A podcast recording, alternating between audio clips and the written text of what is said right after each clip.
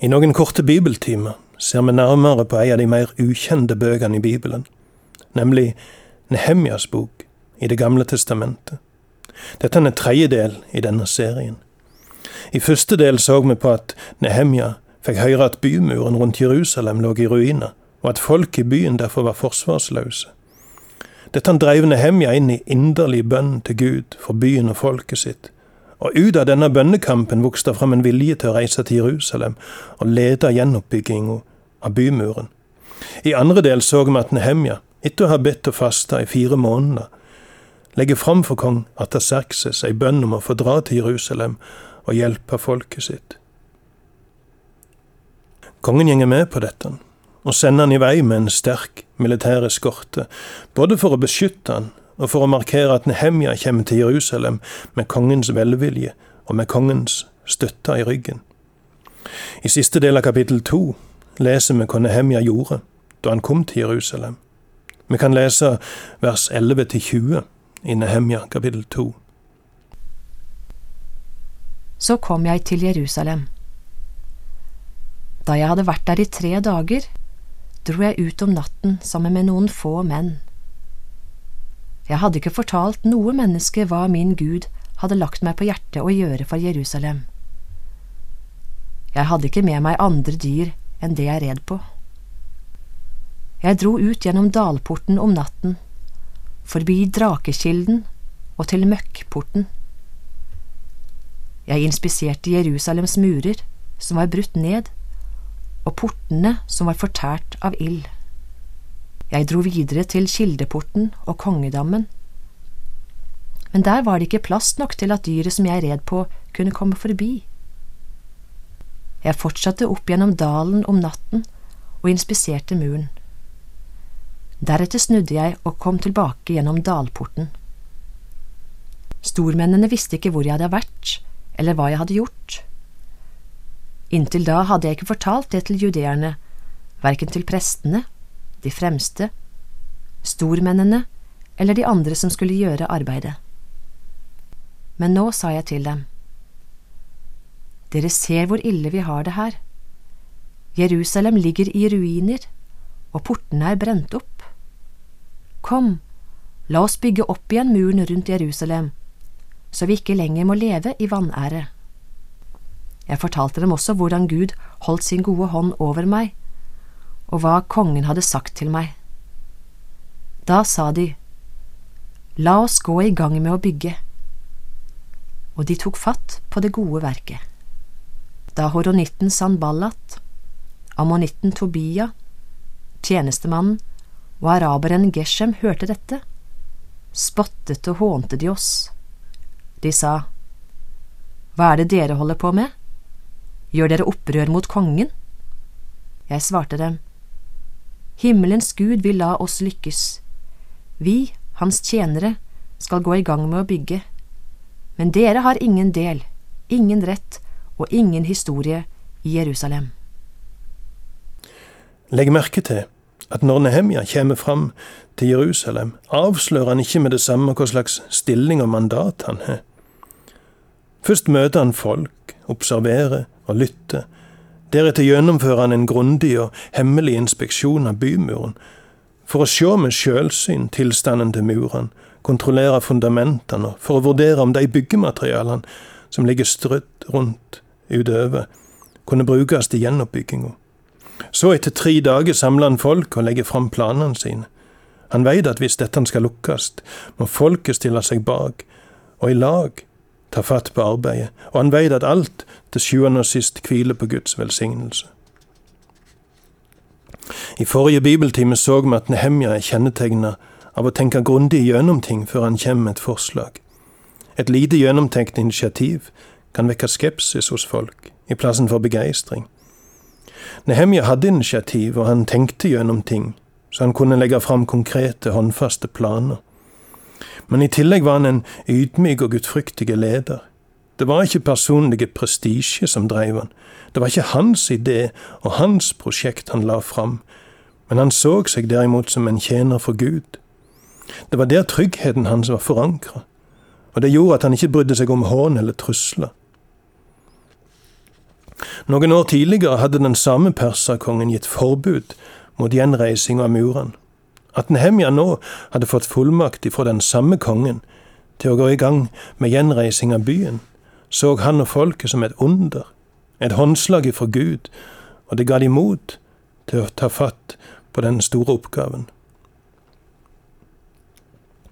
Frontfigurene i motstanden han møter, er Sanballat og Tobia.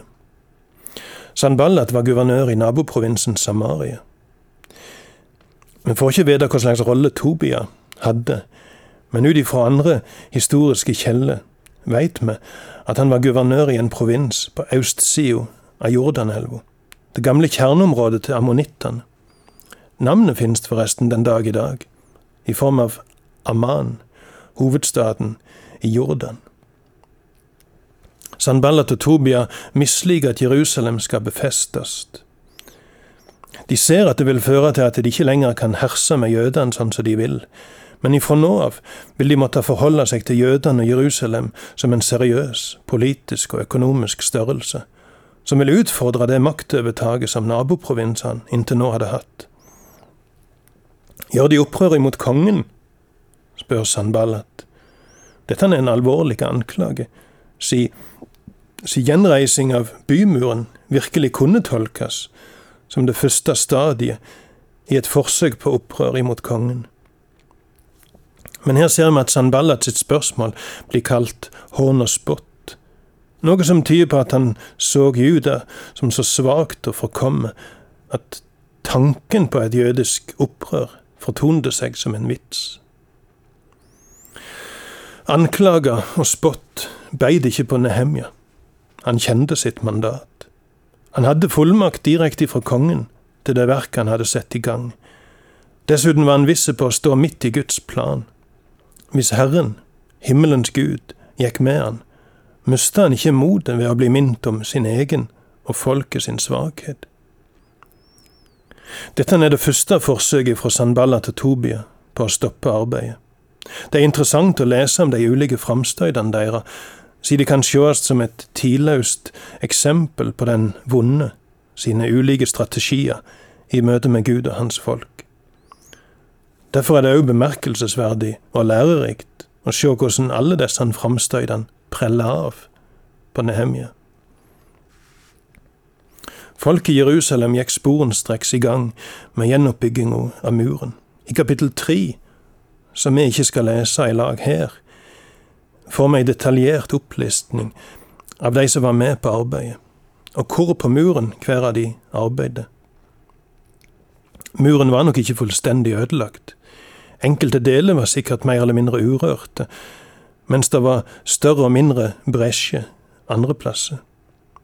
Den nordligste delen var nok den som var mest skada, kanskje fullstendig jevna med jorda, siden det var der byen var mest sårbar, og det var der de hardeste kampene hadde rast i si tid. På vestsida, sørsida og østsida var det daler med bratte skråninger opp imot bymuren, noe som gjorde det nær sagt umulig å trenge inn i byen ifra disse sidene. Det at deler av muren var ganske intakt, er nok den mest naturlige forklaringa på hvordan ei av de gruppene vi hører om, reparerte tusenalen av muren, altså ca. 500 meter. Kapittel tre er ei fullstendig liste over de ulike delene av murarbeidet, der vi følger arbeidet fra det nordøstlige hjørnet, og derifra vestover sørover, østover og så nordover igjen, altså imot klokka. Denne opplistninga sier en god del om de som arbeider, og samtidig sier det noe om Nehemja, for det viser oss en mann som ser, verdsetter og hedrer sine medarbeidere. Her skal vi bare lese noen utvalgte vers, og vi starter med vers 1. Øverstepresten Eliashib og brødrene hans, prestene, gikk i gang med å bygge saueporten. De helliget den og satte inn dørene. Deretter helliget de muren helt til hundretårnet og Hananeltårnet. Nehemja har lagt merke til at øverstepresten og de andre prestene var med på arbeidet. Stillinga deres kunne nok vært brukt som en unnskyldning for å be seg fritatt for kroppslig arbeid, men på den andre sida er det veldig viktig at ledere går føre med et godt eksempel. Dette legger en effektiv demper på misnøye og protester, som ellers fort kunne komme til overflata.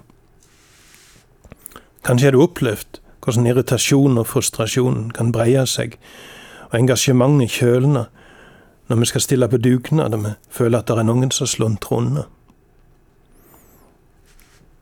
Flere plasser i dette kapittelet ser vi Nehemja nevne folk som arbeider på det murstykket som lå framfor husene deres. Dette var antagelig et bevisst trekk fra Nehemjas side. Det var praktisk å ha korte vei til arbeidet, og dessuten hadde folk egeninteresse av å reparere muren akkurat der de sjøl bodde. For de visste at ei åpen revne i muren retta til med huset deres var en invitasjon til fienden om å sette inn kreftene akkurat der. En annen ting vi merker oss, er at flere ledende menn tok del i arbeidet, selv om de hørte hjemme i andre byer.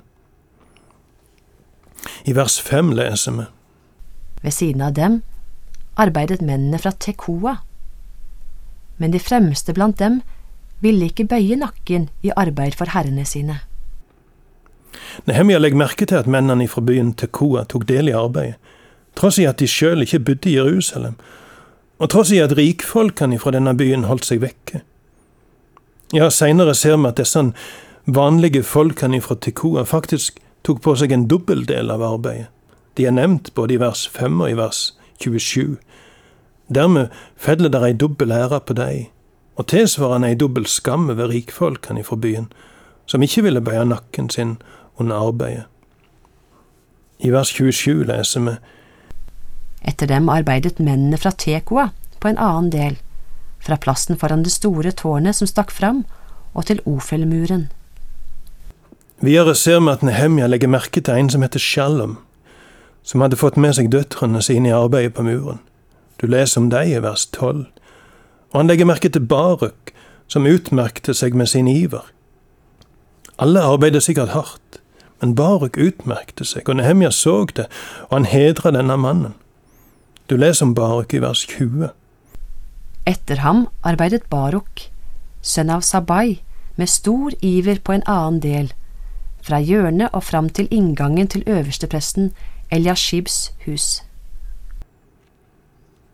Ledere kan litt ta æro for seire som medarbeiderne deres har bidratt til. Det er fristende for ledere å se en suksess som deres egen personlige bragd. Jeg har tidligere nevnt at Nehemja er ydmyk. Han brisker seg ikke med titler, og han søker ikke verken ære eller status. Tvert imot stiger han antagelig et trinn og to nedover på rangstien når han kommer til Jerusalem som guvernør. Her i kapittel tre ser vi ei annen side ved denne ydmykheten hans. Han hedrer medarbeiderne sine. Han ser de, han kjenner de, han legger merke til det de gjør, og til måten de gjør arbeidet på, og han skriver det ned som et evig ettermæle. Kappast om å hedre hverandre, sier Paulus i Romerne 12, vers 10, og Nehemja viser oss i praksis hvordan det kan gjøres. La oss prøve å ligne han.